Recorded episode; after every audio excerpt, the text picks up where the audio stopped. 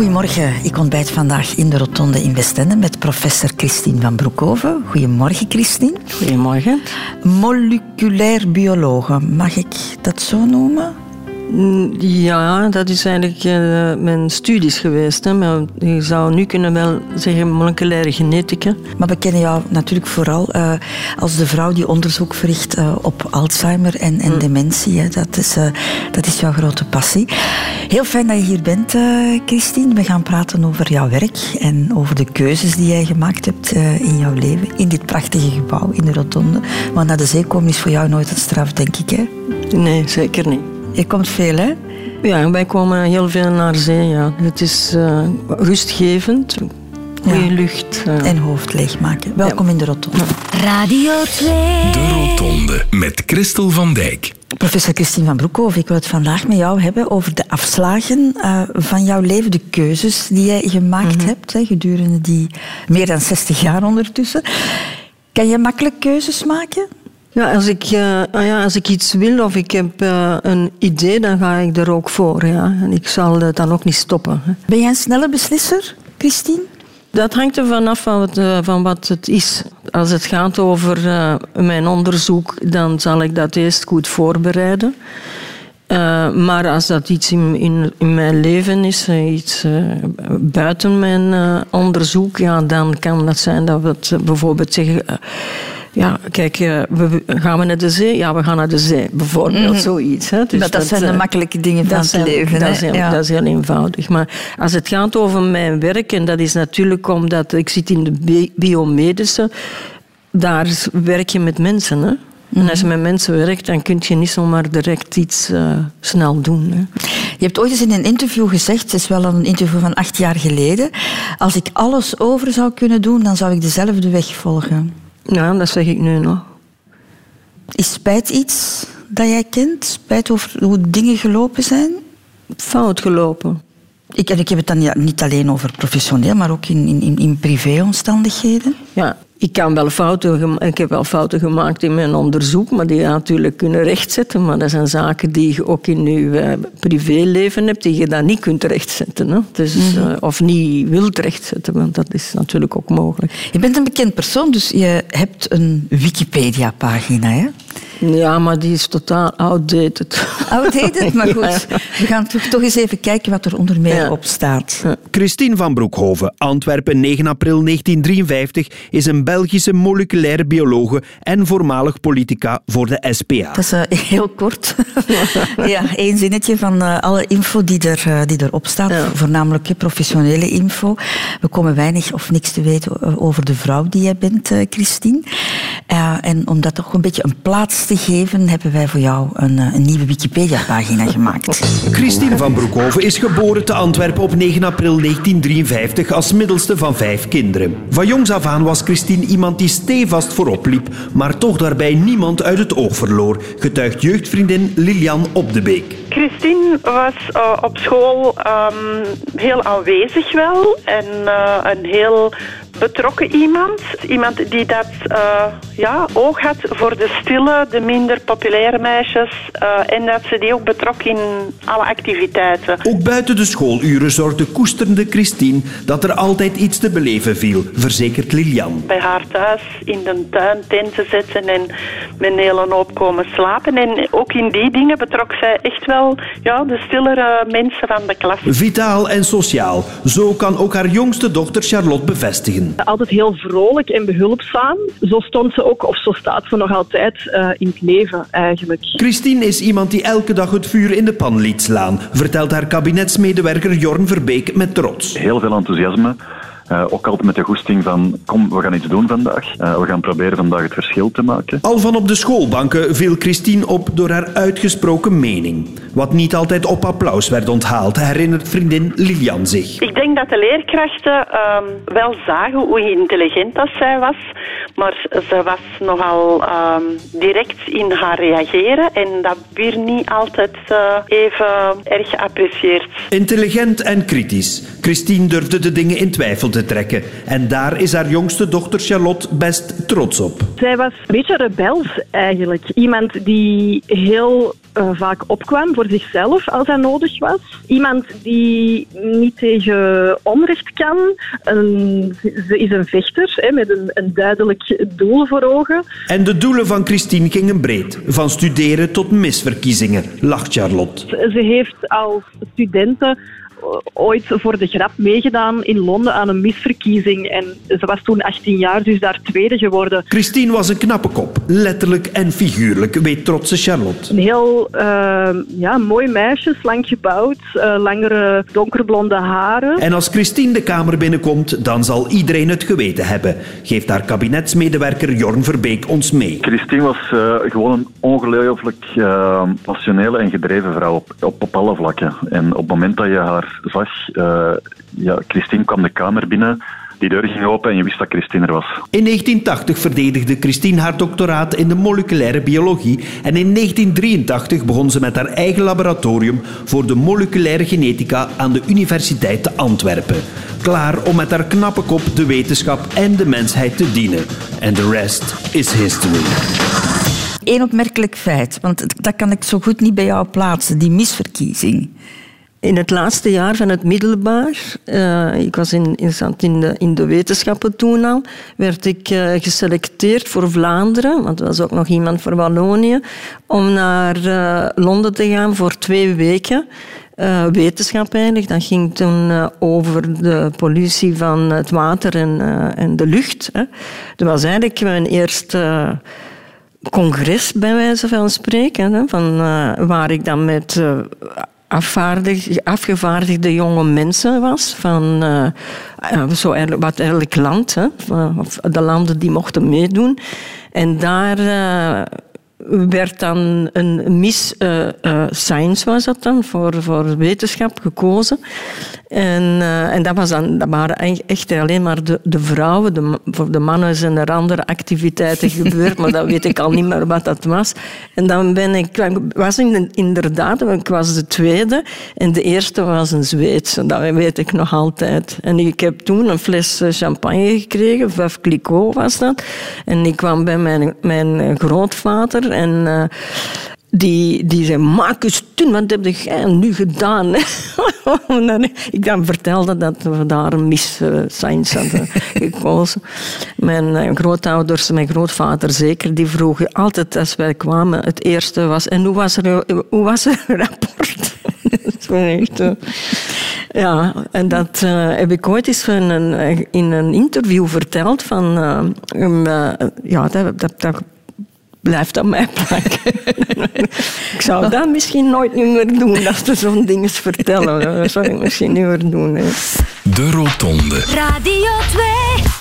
Radio 2. De geboorte, Christine van Broekhoven, dat is de eerste afslag in het leven van, van een mens. Je kiest er niet voor natuurlijk om geboren te worden, maar het is wel belangrijk voor de rest van ons leven, denk ik. De plek waar we geboren worden. Een gezin van vijf. Uh, jij was de middelste. Je had nog twee zussen, een tweeling voor jou en dan, en, en dan twee broers. Hè? Ja. Wat voor herinneringen heb jij aan dat gezin? Van heel jong natuurlijk niet. Er zijn dingen die ik van mijn moeder heb gehoord. Uh, maar... Uh, ik ben op de leeftijd van, van acht jaar, zijn, als mijn jongste broer is dan geboren. En dan zijn wij, naar een, uh, wij zijn opgenomen geworden in Villa Madonna in uh. Dat was eigenlijk een... ik, ik weet het nu juist niet meer wat je daarvoor moet noemen. maar dat was voor moeilijke kinderen. Dus jij was daar met met, met, mijn twee uh, zussen en mijn uh, oudste broer die dan wel bij de peutertjes of de kleutertjes zat. Dus die zat het gebouw verder. Dus konden we, dan mochten we niet tegenspreken. Dat was allemaal met uh, nonnen nog. Uh, ik heb daar een uh, aversie gekregen van het geloof en van, vooral van nonnen. Maar ja, acht jaar, dat is, dat is jong. Hè. Dat was in... En, en, waarom moesten jullie daar naartoe met, met het hele gezin? Dat is eigenlijk... ik heb dat in mijn boek heb ik geschreven dat ik dacht dat, dat mijn moeder eigenlijk een, postnatale depressie had. Hè. Maar uh, we hebben dat nooit geweten. Mijn ouders hebben er nooit uh, willen over spreken waarom dat, dat was. Maar dat, is als je, dat, dat, heeft mij, dat heeft mij heel erg... En dat is denk ik ook daar waar die rechtvaardigheid is. Omdat er was geen rechtvaardigheid. Dat was ook niet bij de leerkrachten. Ik miste altijd die rechtvaardigheid. En bij die nonnen dan... Uh, een van mijn zussen die moest altijd in de borstelkas. En dat was dan een kas onder de trap. En op de duur, en ik heb er ook in gezeten, dan begonnen de ademen via het sleutelgat en dat van dat soort dingen. Mhm. Dat is pure pesterij van kinderen. En wij zijn, wij zijn daar eigenlijk echt ook baldadig geworden. En vochten, daar heb ik leren vechten, letterlijk vechten. En daar heb ik, eh, want dan kregen we op vrijdag kregen we voorbij onze boterham kregen we vijf karamellen. En dan gingen wij die afpakken van die andere kinderen en zo van, van, die, van die dingen. Maar acht jaar en dan, we hebben daar een heel jaar geweest. En toen als ze kwamen zeggen dat we naar huis mochten, konden wij dat niet geloven. We dachten, dat is, weer dat is hier weer iets. Dat is ons wijsmaken. Ja, en ik ben... Ehm, was geselecteerd, uh, dat is nog niet zo lang geleden, voor uh, de vijf wetenschappers of zes wetenschappers die ze dan volgen in, in, hun, uh, in hun leven, zo'n beetje mm -hmm. wat we vandaag doen. Maar dan zijn we naar Villa Madonna gegaan in, in Vlimmeren. En als ik voor die deur stond, wist ik nog exact hoe dat, dat eruit zag. Mm -hmm. En dat was, dat was heel emotioneel. En achteraf heeft die, de, de, directeur toen en een nieuwe directrice hebben mij een brief geschreven en nog eens uitgenodigd om te komen. Ik heb dat nooit niet gedaan. Mm -hmm. je mhm. kunt, dat zijn herinneringen die je niet kunt wegwerken. Dat is iets, uh, als je zo klein bent. En dat is iets wat ik weet. Dat we ons mooie lange haar, zoals mijn dochter zei, dat werd afgeknipt. Want wij hadden zo gezegd allemaal luizen. Al, al dat soort pesterijen. Bijvoorbeeld, ik, ik, dat was een grote slaapzaal met drie uh, rijen bedden. En ik uh, sliep uh, in de middelste rij, maar helemaal op de achterkant van de slapen. En dus vanaf het moment dat het licht uitging, zat daar een non stil van achter op mijn bed.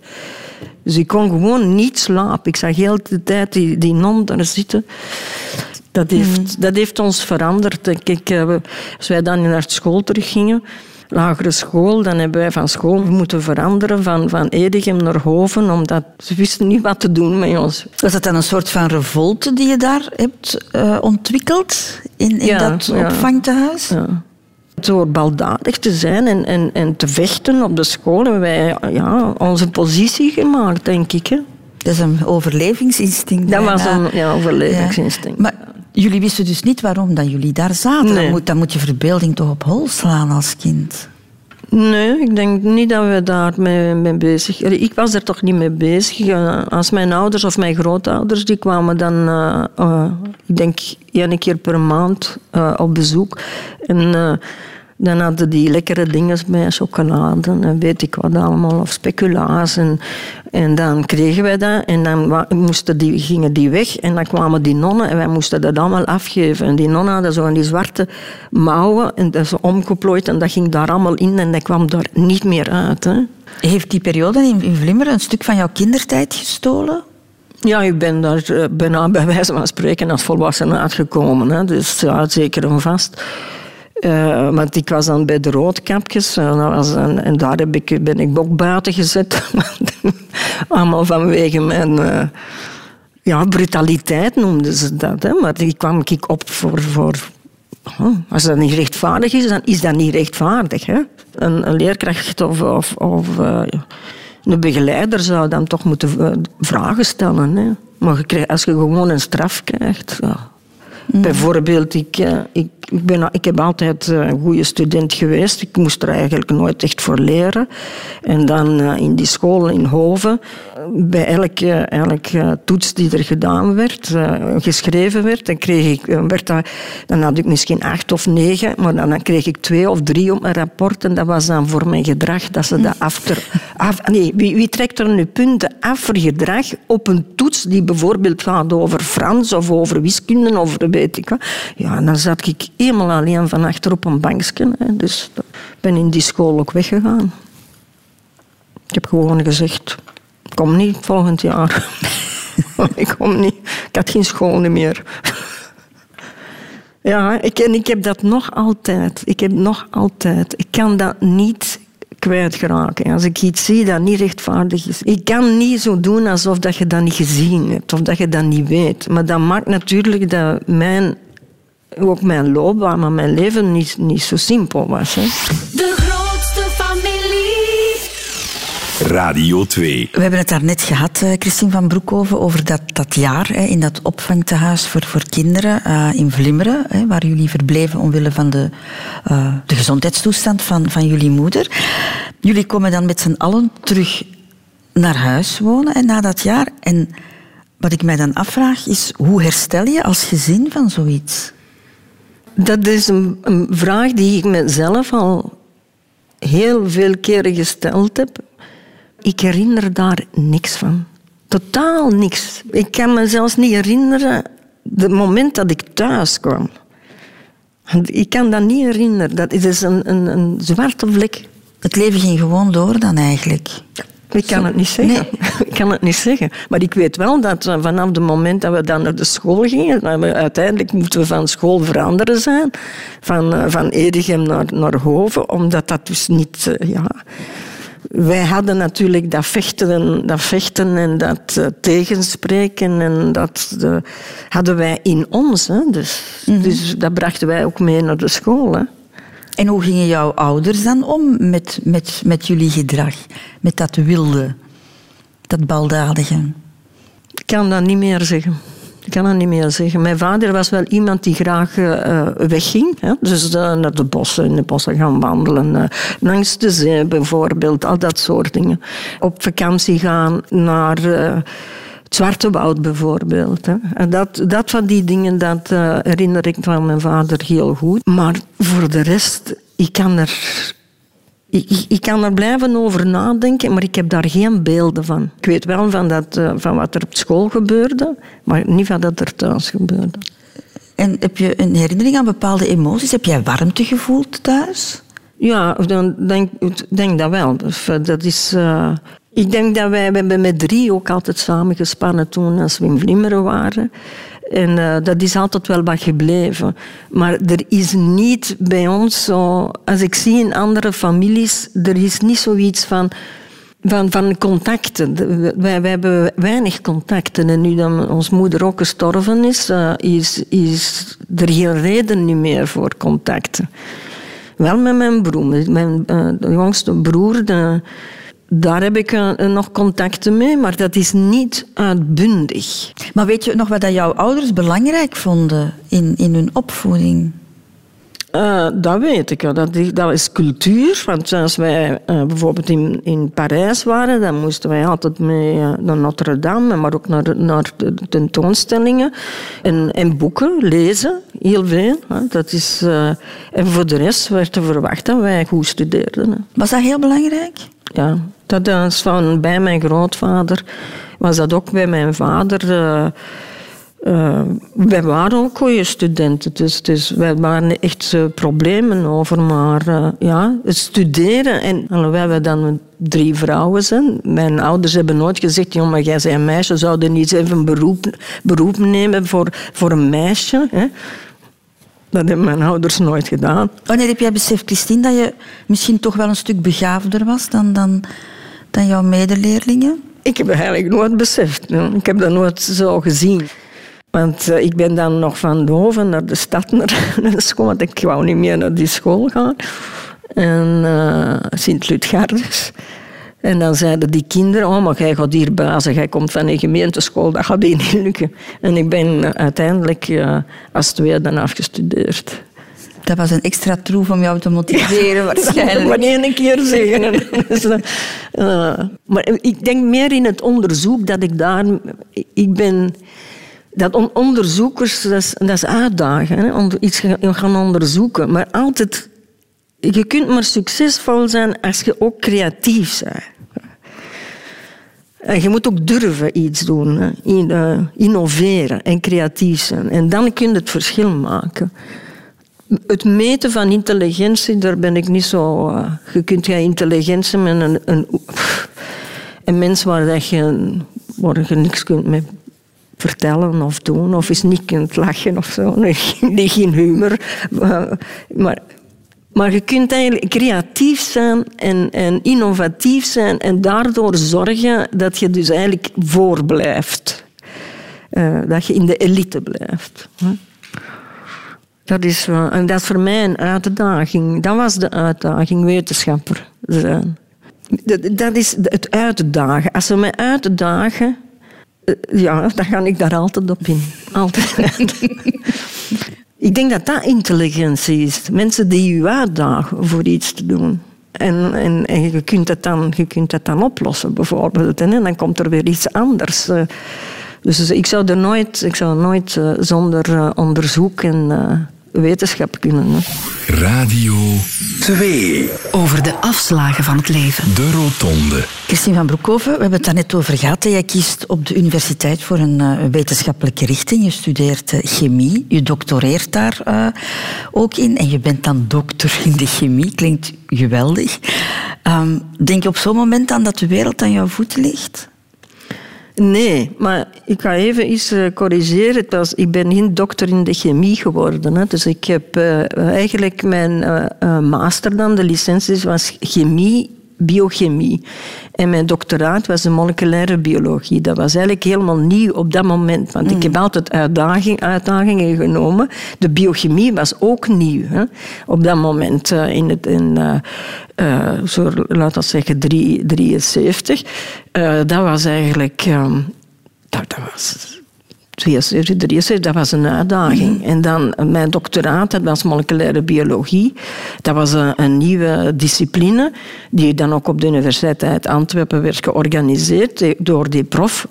En uh, dat was dan weer een uitdaging, ziet je. En dan uh, ben ik uh, terechtgekomen bij een kinderarts uh, als postdoc, bij wijze van spreken. Waar, maar ik was eigenlijk een, een BTK.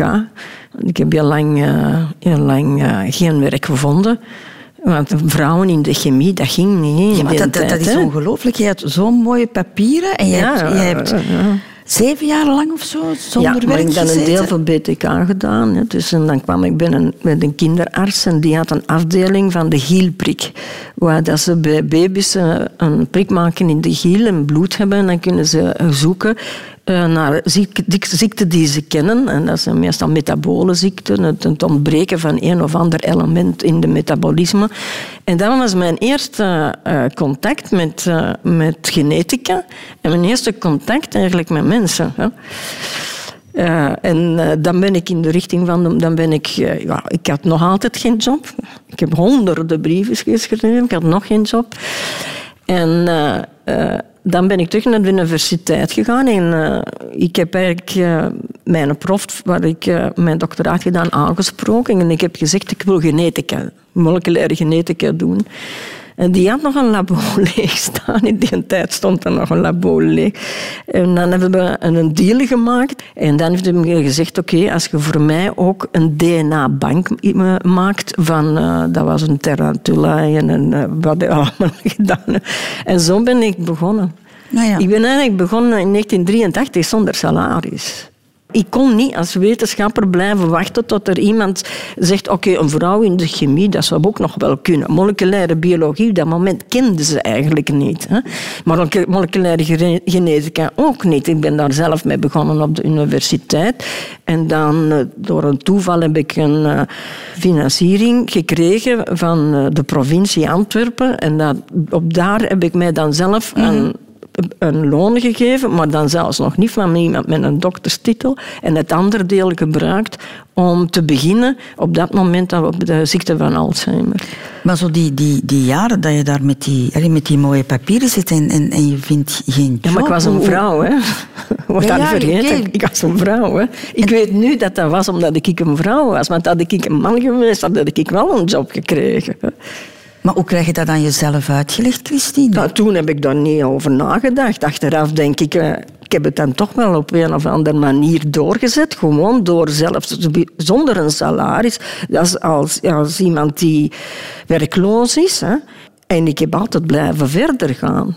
Maar doet dat iets met jouw zelfvertrouwen op dat moment? Want bedoel, je had schitterende cijfers. Uh, ja, ja, nee, dat is mij eigenlijk allemaal achteraf. Ik, gelukkig dat ik daar niet over nagedacht heb. Hè. Allemaal dat ik gedaan heb, dat was uh, eigenlijk not dom. Hè. Dat, uh, ik ken niemand anders uh, van, mijn, van mijn leeftijd in die tijd als vrouw. Er, er, waren, er, geen, er waren er eigenlijk geen. Dus, dus ik, ik ben, wanneer is dat gekanteld? Dat is wat ik moet, zou moeten vraag moeten stellen. Hè? In, in, in 19... Uh, 85 heb ik uh, dat salaris dan gekregen en dan konden ze mij toch niet altijd niet meer bijhouden als vrijwilliger. Hè? Dus, want ik had geen statuut. Ik had mm -hmm. totaal geen statuut. En dan heb ik 10, ben ik 10% docent geworden. Want je hebt toch eigenlijk, bedoel, op een bepaald moment was jij een alleenstaande moeder, uh, ja. Christine, ja. en je had eigenlijk geen, geen salaris. Ja, ja, ik was werkloos, werkloosheidsvergoeding. Hè. Dat was ja. toen nog beter, en zeker als je alleen waart. Um, maar heeft het water aan jouw lippen gestaan op een bepaald moment? Ja, ik moest wel opletten wat ik kocht. Wat, uh, dat zouden we aan mijn kast wel hebben kunnen zien. of ja, want een, een kind uh, kost natuurlijk veel geld. Hè. Mm -hmm. Dus uh, haar vader heeft wel meebetaald, maar uh, dan nog blijft, als je geen salaris hebt, is de... Maar is dat iets wat jij thuis ook niet geleerd hebt, Christine, om, om met weinig toe te komen? Ja, maar ik ben met weinig tevreden. Hè. Met heel weinig tevreden. Mijn ouders zijn natuurlijk van na de Tweede Wereldoorlog. En dan met vijf kinderen. Wij hadden een school met uniformen. Wij hadden één rok, één blouse en één paar kousen. Dus dat werd eh, gewassen mm. elke keer, eh, s'avonds als dat nodig was. Maar wij, wij, hebben dat niet geleerd. We hebben nooit iets over geld. Dat, was, dat is niet belangrijk. Cultuur, ja. Dan lezen, lezen. Want die had mijn boekenkast en wij mochten in alle talen, enfin alle talen, Frans, Engels, uh, Nederlands, Duits. En wij mochten een boek kiezen. Hè. Dat was niet van, dat is, dat, is, dat is niet goed voor kinderen. Hè. Dat is niet goed. En als je kon lezen, dan kon je dat lezen. Kon je dat niet lezen, dan pak je een ander boek. Mm -hmm. hè. Mhm. En als mijn moeder gestorven is, dat huis dat zat vol boeken. Hè. Tot in de keukenkast, de slaapkamerkast. vol, vol, vol boeken. Radio 2. De Rotonde. Het onderzoek naar Alzheimer. Je bent er eerder toevallig in gerold, hè? Dat is niet een bewuste keuze geweest. Dat is een, be een nee, beetje een, een toeval, nee. iets dat op jouw pad gekomen ja. is. Ja, dat door een, een jonge neuroloog die uh, een artikel had gelezen uh, van, over Huntington. Een uh, ziekte van Huntington is ook een hersenziekte. Mm -hmm. En dat was iemand in Boston die een artikel had in Nature, een van onze top uh, tijdschriften. En hij, had, hij kon eigenlijk dat gen, dat genetisch, want dat is een erfelijke ziekte, volledig erfelijke ziekte, dat was gelegen op uh, chromosoom 4. Uh, Jim Guzella. En die neuroloog die kwam bij mij en die had een, een patiënt, een jonge patiënt met een aanvangsleeftijd van Alzheimer aan 35 jaar. En hij herinnerde zich dat ze vroeger ook al, en ze hadden er ook een artikel over geschreven, over die familie. En dat is dus jong dementie. En dat is dus ook erfelijk. En dan heeft hij mij uh, uh, overhaald door mij mee te nemen naar de collectie van hersenen, die dan in glazen potten stonden. Maar ik had nooit anatomie geleerd, hè, want ik kwam van de chemie.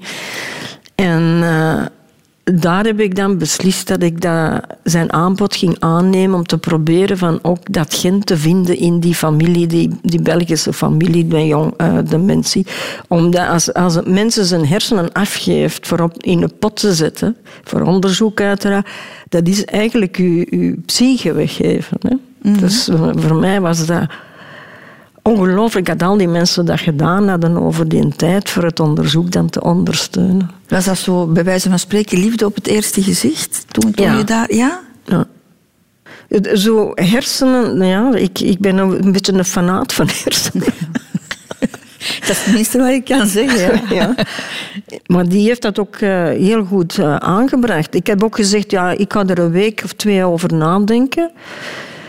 Uh, maar ik heb vlugger Dat was weer eens een uitdaging. Dat was de moleculaire genetica. Op dat moment kende men bijna geen genen die die ziekte veroorzaakten. Je kon wel zien dat het in de familie zat, maar je wist niet waar dat het zat. Was dat meteen een passie? Of is dat iets dat moeten groeien? Nee, dat was meteen ja. goed voeden. Ja, maar dat is echt uh, een, uh, zoals een spel in een hooiberg gaan zoeken. Hè? Want in die tijd hebben we natuurlijk niet de, de, technieken die we nu hebben, waarbij je het hele DNA van een mens kunt lezen. Dat konden we niet. Hè?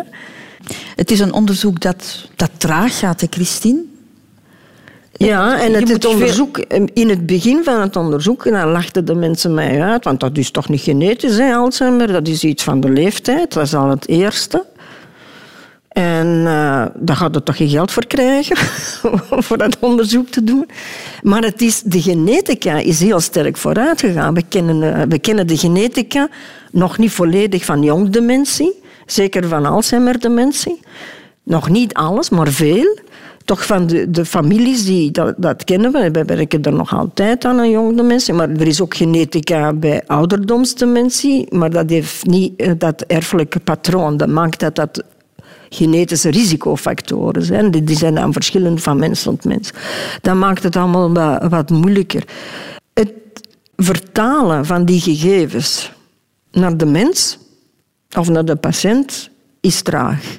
Voor jong dementie, en het is een familie waar dat een erfelijke fout in zit, daar kunnen wij al die erfelijke fouten opsporen. En dan kan een familie, als ze dat willen, vermijden dat ze kinderen krijgen die die ziekte ook zouden mm. krijgen. Omdat ze dus de erfelijke fout doorgeven. Dat kan, kan allemaal gebeuren. En dan hebben we natuurlijk een hele periode gehad in Alzheimer-dementie waar ze op het verkeerde spoor zaten waarbij een van eh, de hersenletsels, wat uniek is voor Alzheimer-dementie, eigenlijk als een doel gebruikt werd om medicatie of een behandeling voor te zoeken. Amyloïd, want de meeste mensen weten wel wat dat, dat eh, is. Uh, en dat is mislukt. Na 22 jaar. Dat, heeft, dat is een hardnekkige race geweest. Zoals ze denk ik nu ook een race aan het doen zijn voor het corona uh, virusvaccin. En uh, daar zijn we eigenlijk helemaal op nul uitgekomen. Nu, je bent een, een, een eh, zeer temperamentvolle vrouw, Christine van Broekhoven. Wetenschappelijk onderzoek gaat traag, heel traag. Je moet veel geduld hebben.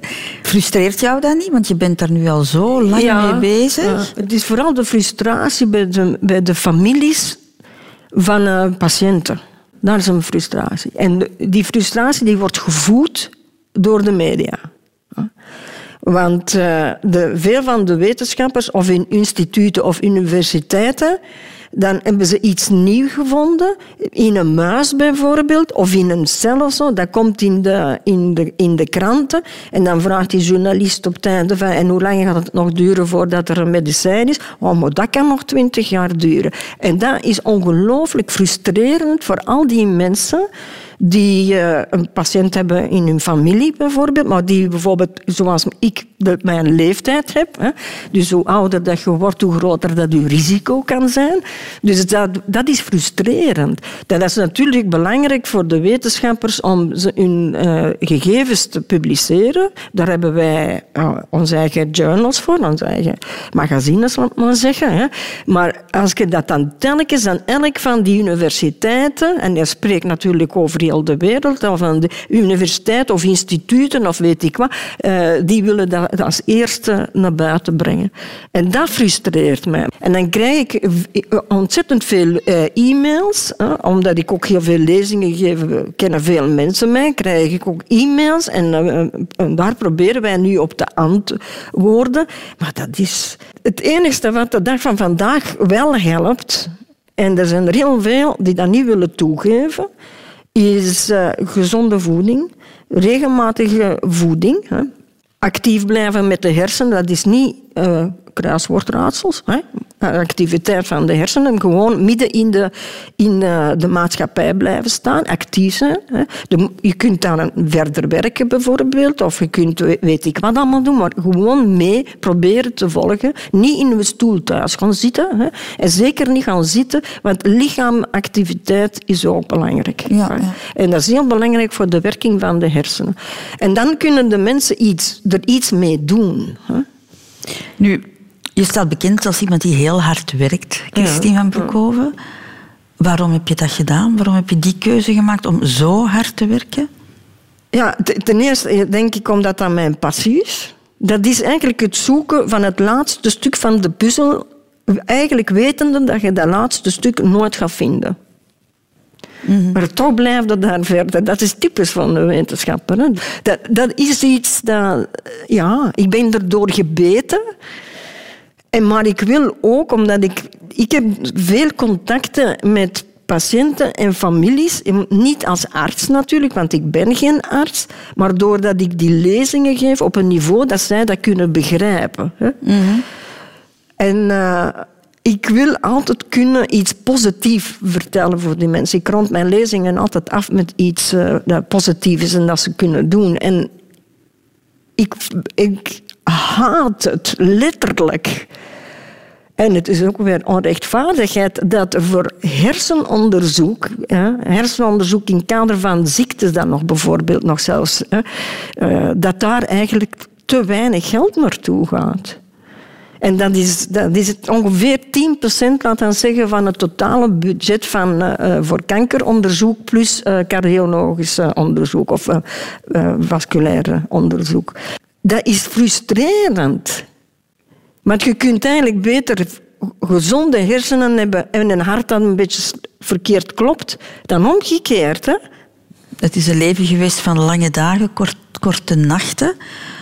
Maar moet je dan niet inboeten op, op andere dingen? Als je heel je leven in functie stelt van, van jouw werk? Ja, ja, ja, er zijn maar 24 uur in een, in een dag. En okay, vier uur is toch het minimum dat je moet uh, slapen. Hè? Wat heeft het jou gekost, Christine? Ja, het feit dat ik bijvoorbeeld... Ik heb geen vriendenkring. Hè? Ik denk eigenlijk dat je zou kunnen zeggen dat ik, ik asociaal ben. Ik zou nog liever mijn puzzel zoeken dan dat ik uh, ergens naartoe ga. Hè. Ik, ik, heb ook geen vriendinnen en ook geen vrienden. Ik ben tevreden met wat ik heb, maar ik heb dat ook maar weer laat eh, gerealiseerd. En nu met, met Lilian terug te zien, maar andere mensen zou ik dat misschien wel gaan doen. Maar ik heb nu ik heb nu iets meer tijd en toch doe ik, nee, doe, doe ik het niet. Ik blijf gewoon hangen aan, de, aan die wetenschap. Die keuze om zo hard te werken, dat was een persoonlijke keuze, Christine. Maar heb je soms het gevoel dat je misschien mensen tekort gedaan hebt daardoor? Nee. Ah ja, ja, je zou kunnen zeggen, mijn dochters... die zijn jaren boos geweest dan, omdat ze telefoneerden. En dan uh, ze... Mama, je zit weer voor mijn computer, hè? Ja, je luistert niet naar wat ik zeg. Altijd. En dat was waar. Ik zat voor mijn computer. Ik zat misschien net in een, in een, een zin van, van een artikel waar ik mee bezig ben. Dus mijn hoofd is dan niet leeg. Ik moet mijn ik kan het natuurlijk nooit leeg maken, maar ik moet mij, als ik dat wil doen, moet ik dat plannen in mijn agenda dat mijn kinderen komen, nu mijn kleinkinderen komen, en dan maak ik me vrij. Bijna vrij. maar nu, ze zijn ouder geworden, ze hebben zelf allemaal een job en weet ik wat. En ze werken ook hard en nu, nu begrijpen ze dat wel. Dus, dus uh, we, hebben, we hebben goede relaties en het zijn twee toffe madammen. En uh, ze hebben gewoon kleinzonen gemaakt voor ons. zijn we trots op. Maar ja, ik, ik, ik, ja, ik ben toch naar hier gekomen. Je bent naar hier gekomen. Radio 2. Een van de keuzes in het, in het leven, uh, Christine van Broekhoff, dat is natuurlijk ook de keuze voor de liefde en, en, en voor relaties. Hè. Met wat voor waarden ben jij opgevoed op dat gebied? Ik denk niet dat dat op de lijst van opvoeding stond. Daar werd nee, niet over gepraat? Nee, nee daar, werd niet, en daar werd niet over gesproken. Maar uh, mijn ouders uh, die kwamen goed overeen. Niet altijd natuurlijk, maar dat kan ook niet. Maar voor de rest, maar als onder de kinderen, dus de meisjes, de drie meisjes, uh, daar is toch altijd wel een afstand gebleven. Dat is, dat is nooit echt zoals ik soms zie met, met, met andere zussen, hè, dat die met, elkaar nodig hebben. Mm hè, als ze, en, maar dat dat heb ik niet. Dat hebben wij nooit gehad, dat gevoel. Zo emotionele verbondenheid is niet iets wat jij thuis hebt, hebt aangeleerd gekregen? Dat heb ik zeker niet geleerd. Nee. Nu, je bent vrij snel getrouwd, Christine. Je was maar 22 toen je trouwde. Ja, veel te vroeg. Hè? Veel te vroeg. Dat was uh, mijn eerste echtgenoot. Uh, die heb ik dan leren kennen als ik, uh, ik denk nog zelfs geen 18 jaar was. Ik denk dat ik 16 of 17 jaar was. Ik heb wel een paar keren geprobeerd van die vriendschap te, te verbreken. Dat is niet gelukt. Mijn ex-echtgenoot, die heette Paul... En dat was ook de naam van mijn broer die gestorven is. En mijn moeder was daar emotioneel over. Als ik dan zei dat ik uh, eigenlijk toch niet wou trouwen.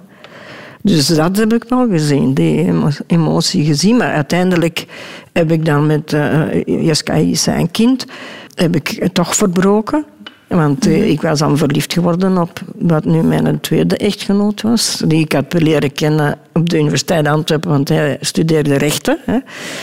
Dus uh, die heb ik daar leren kennen. En die uh, ja, ik ben nog altijd verliefd. Dat is, uh, we zijn nog altijd samen. Ja.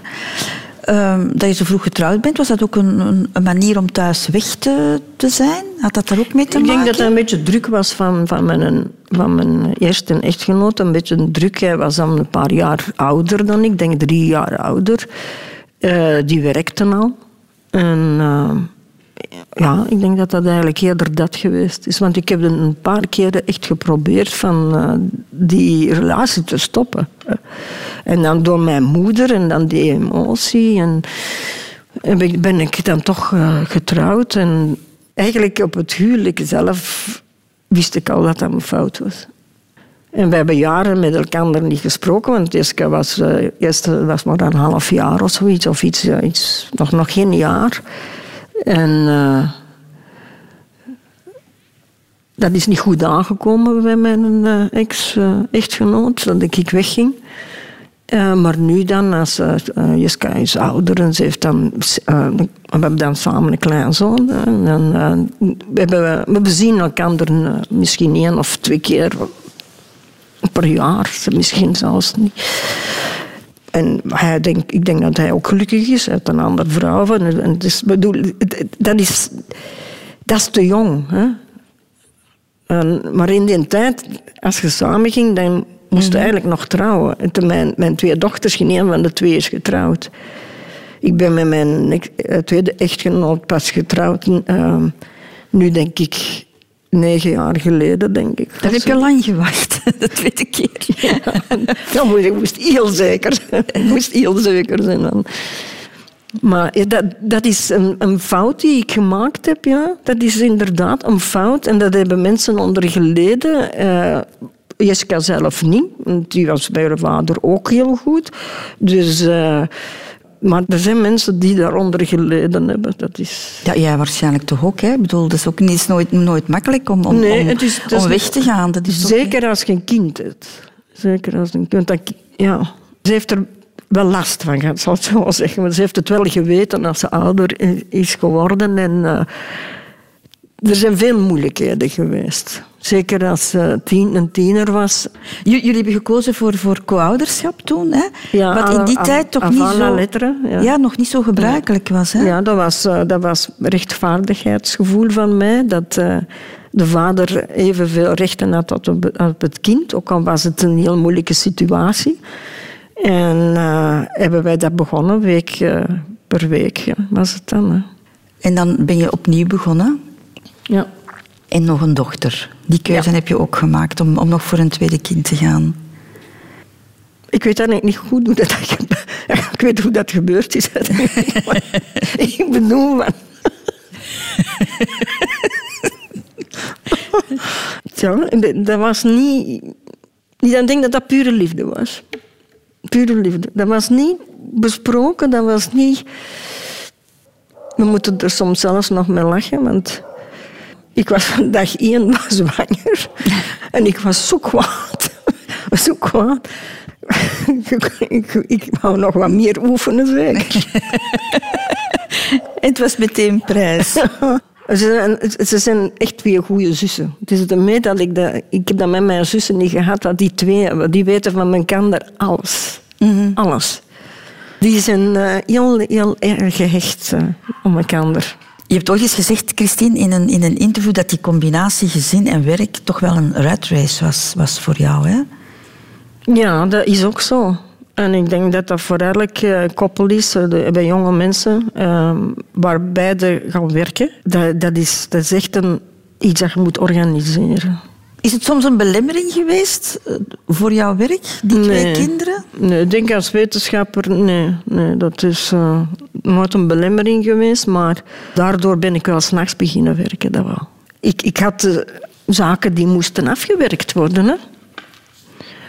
En zo ben ik langer hoe meer uh, in de nacht beginnen werken. S morgens opstaan om vijf uur en s'avonds nog werken tot één uur het moest af. Hè. En hoe, hoe, hoe, ging jij om? Want soms waren ze boos op jou. Hè?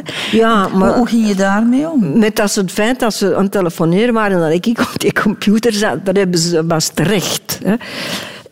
Um, maar de, voor de rest ten opzichte van mij waren ze daar niet... Uh, ik denk ook wel dat ze trots waren, want als die, met die prijzen en ik kwam dan op de televisie en weet ik wat ik was wel heel goed ik, uh, in het organiseren. Hè. Dus uh, als die kinderen voor s morgens of die moesten eten uh, en voor de middag, dat was allemaal al klaar, dat stond er.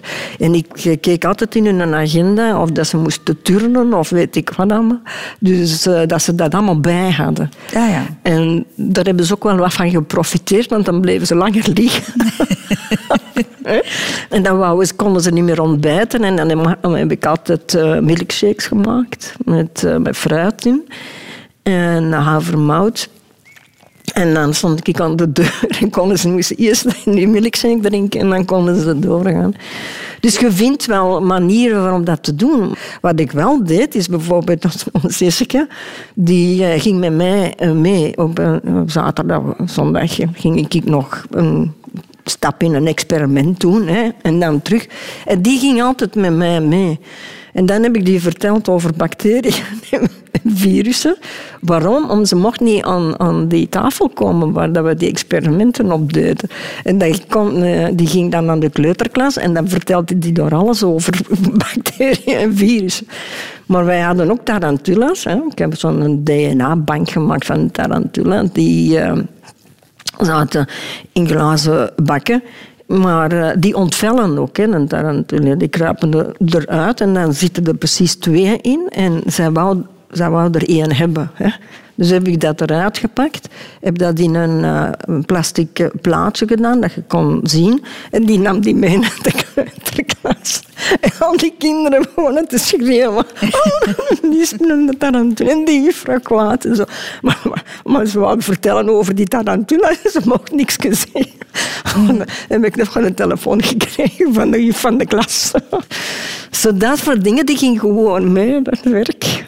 Nu, je had naar Amerika kunnen gaan hè, ja. om, om, daar uh, ja. onderzoek te gaan doen, maar dat heb je niet gedaan. Uh, nee. Omwille nee. van hen? Daar heeft uh, natuurlijk het feit dat ik een kind had uit een echtscheiding.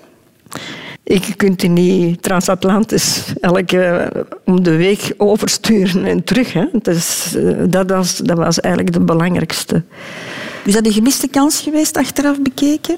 Ik kon dat niet doen, want ik, kan dat, ik kan dat niet, kon dat niet doen met, met, met Jessica, met de oudste, omdat die da, dan, dan was ik het recht van de, uh, van de vader ja. aan het schenden. Hè.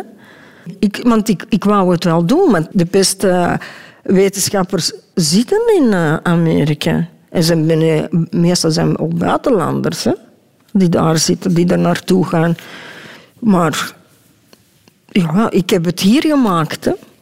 Ik heb, het hier, ik heb gemaakt. Ik heb er hard moeten voor werken. Ik heb, ik heb lang geduurd voordat ik erkend geworden ben voor mijn werk. Dat, dat moeten we zeggen. Maar als je nu ziet hoeveel prijzen dat ik gekregen heb, ik werd er, ik werd er van.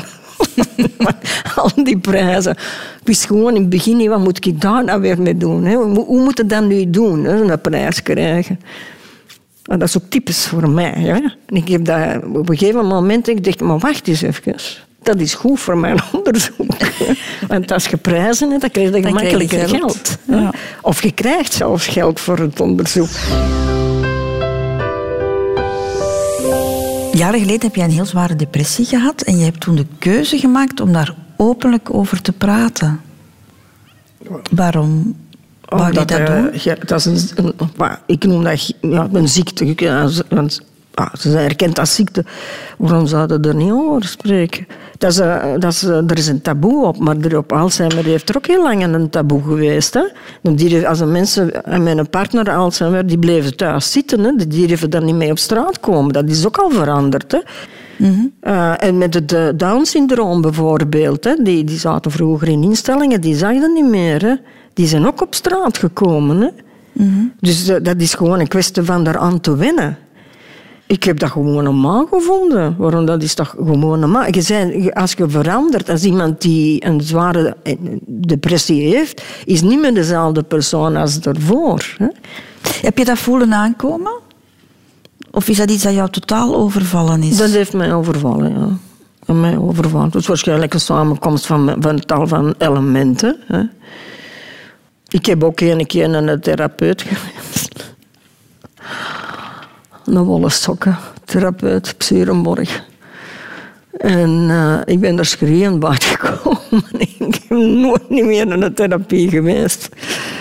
Nooit, nooit. Je hebt ook ik heb geen- ook geen medicijnen genomen. Nee, want ik weet dat die medicijnen over het algemeen niet werken. hè. Nu dat ondertussen zijn dat al meer betere eh, medicaties. Maar eh, dat maakt het nog moeilijker om eruit te komen. Maar ja, ik heb, eh, ik heb mijn eigen methode gebruikt. Misschien is het dan langer geduurd, dat weet ik niet. Want een depressie kun je niet zeggen binnen twee jaar zit jij genezen of, of, of zo. Ik ben blijven werken, dat is een van het belangrijkste. Mijn, mijn toppapers zijn allemaal in die periode gekomen. Toppapers Ja. in die periode? Ja, omdat ik dan gefocust heb op mijn werk. Hè. Ja, En dat, dat, ik ben, was goed in dat werk. Dus ja, dat, en dat gaf een, een gevoel van succes. Hè. Dus dat heeft zeker... En eh, op het werk wisten ze dat. Je kunt dat niet verstoppen. Hè. Je kunt geen depressie... Kun, als je een echt zware depressie... Je kunt natuurlijk depressief zijn, dat is nog iets anders. Maar ik had echt wel een zware En depressie. wat is dat dan, een, zware depressie, Christine? Ah, omdat eh, je, je faalt. Je voelt dat je, je faalt op alle niveaus. Ik heb, eh, uiteindelijk heb ik een, een, een- had ik een schrift bij. Ik heb zo vier schriften volgeschreven. Eh, ik was bijvoorbeeld in, voor een congres waar ik ook nog bleef naartoe gaan, in Firenze. En ik zat daar in een restaurant. En in de, de, die garçons die niet komen, omdat ik heel een tijd zat te schrijven en te wenen. Dus dat heb ik gewoon openlijk eh, gedaan. En, maar als je... Ik heb die boekjes nog altijd, maar ik heb die niet meer gelezen. En wat, wat schreef je daarin? Jouw, Dat ging over... eh, eh, dat, dat, eh, ja, ik, was, ik was lelijk, ik, ik was niet succesvol, ik was, alles, de mensen moesten me niet hebben. Allee, dat was allemaal negatief. Ik haalde mij gewoon eerst helemaal leeg. En ik ben er maar doorgekomen door gewoon te zeggen... Christine, wie zeide jij eigenlijk? En dan heb ik eigenlijk mijzelf terug ontdekt. En dat is wat met de meeste eh, patiënten ook gebeurt. Je moet je aanvaarden, hè? zelfs als het zogezegd negatief is. En dan begin je dat terug op te bouwen. En ik denk dat ik sinds dan nog scherper geworden ben eh, eh, in mijn spreken en omgaan met mensen. Maar er is niks verkeerd aan. Hè. Er is, je kunt wel zeggen, er is aan de maatschappij iets verkeerd dat mensen de dag van vandaag depressies krijgen. Heeft te maken ook met eh, hun omstandigheden. Hè. Dus eh, de, de- de geld, hè.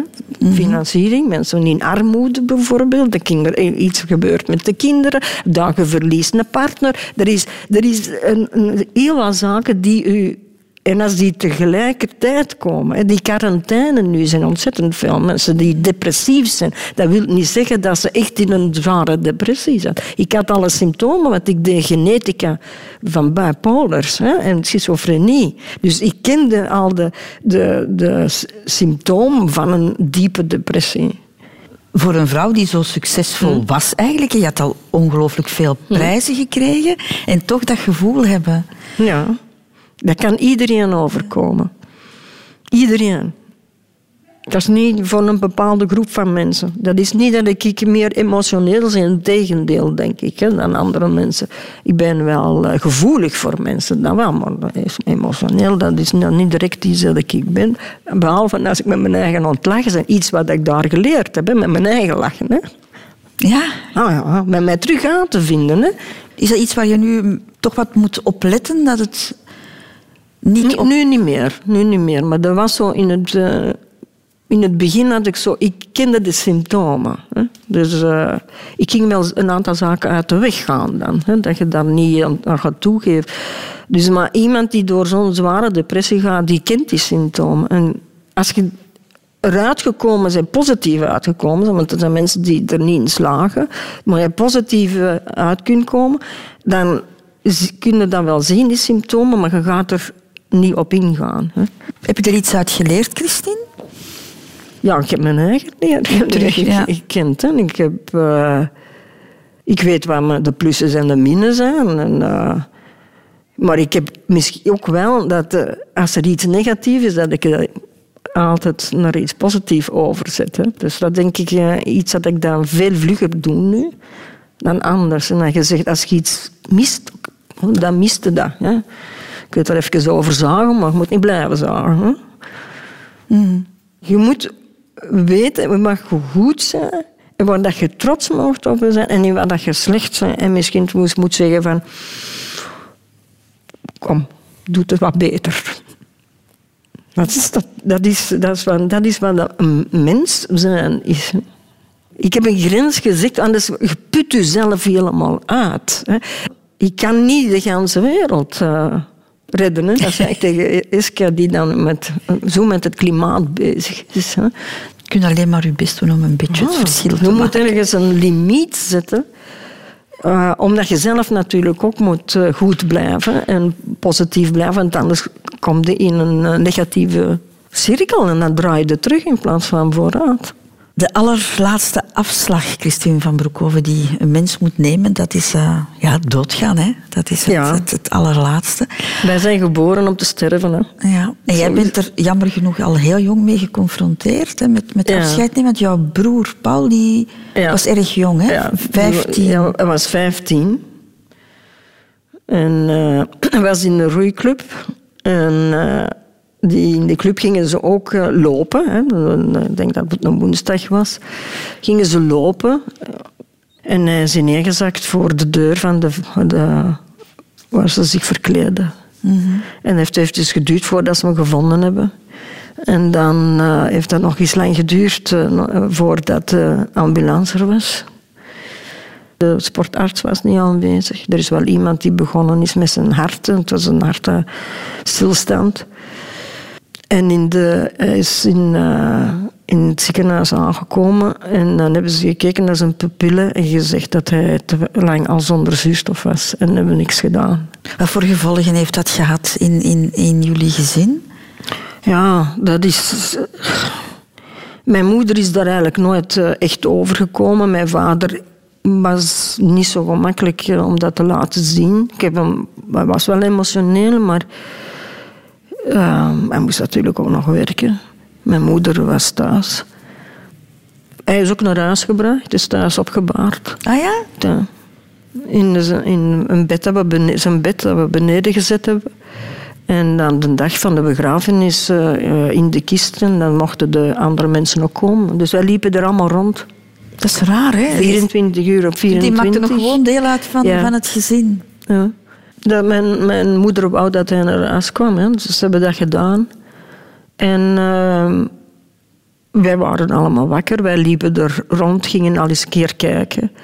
Is dat, een mooie, manier om, is dat een mooie ja. manier om afscheid te nemen? Ja. Hadden wij niet dat afscheid kunnen nemen, had het nog een grotere impact gehad. Maar ja, het, voor de ouders is dat, heel, is dat moeilijk. Hè? En we, we hebben foto's genomen als hij op dat bed lag. Die foto's, eh, we hebben allemaal die foto's gekregen. Die foto's sta, uh, stond uh, duidelijk zichtbaar van, uh, van hem. dat is eigenlijk de eerste keer dat ik iemand heb gezien natuurlijk die, die dood was.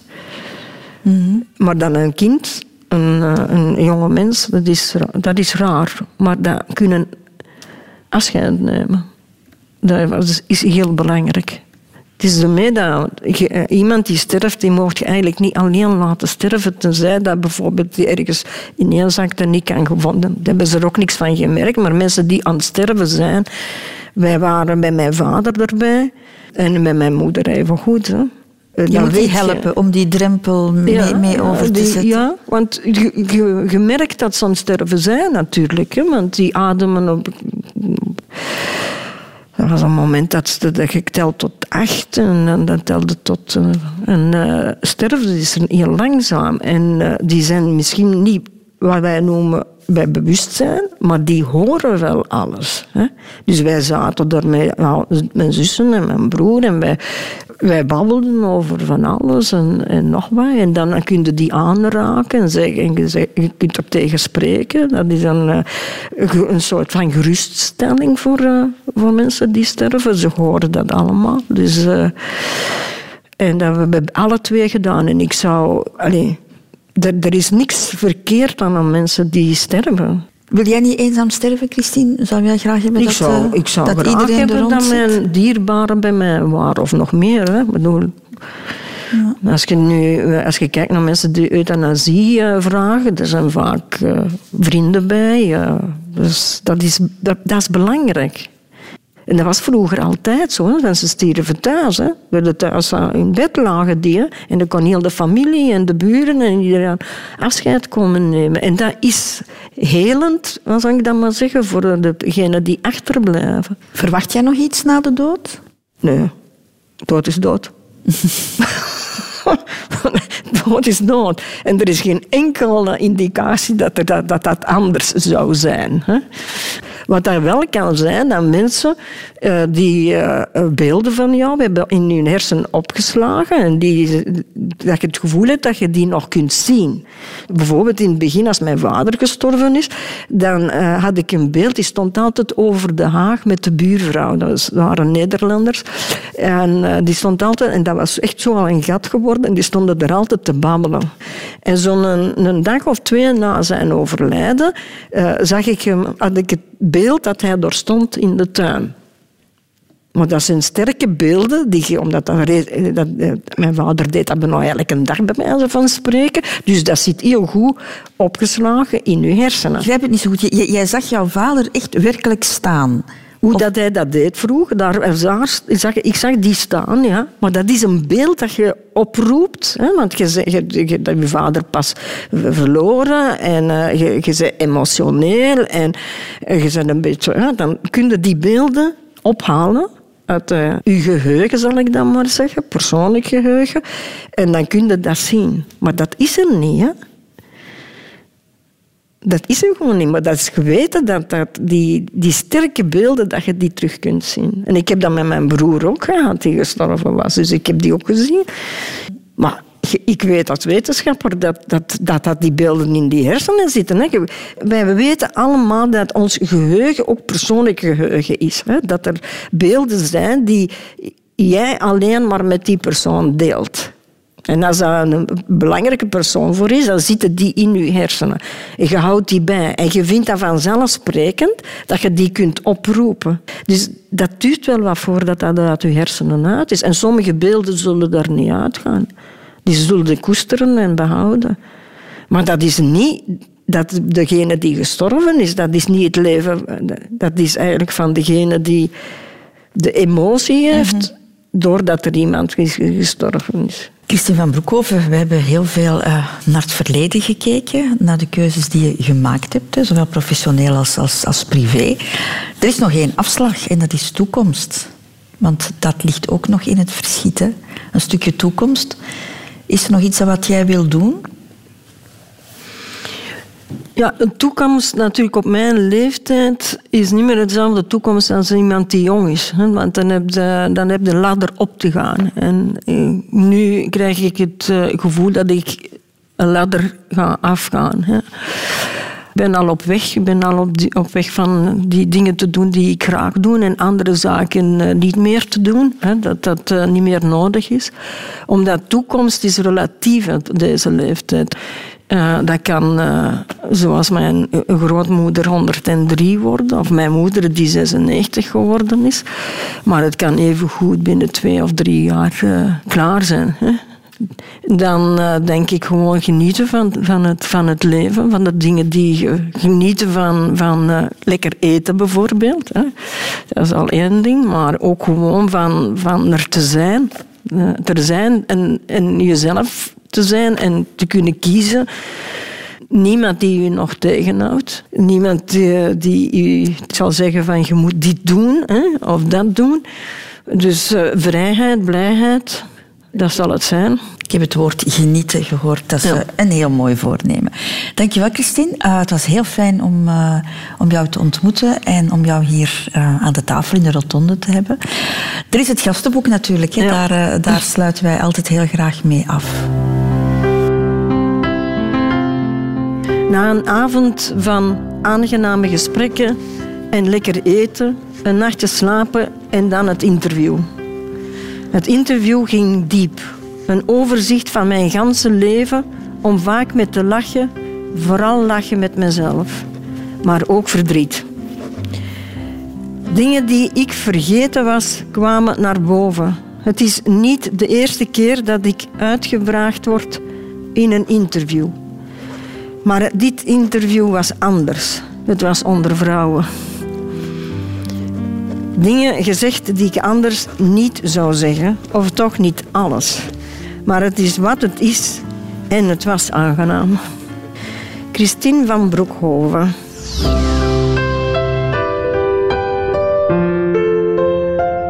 Radio.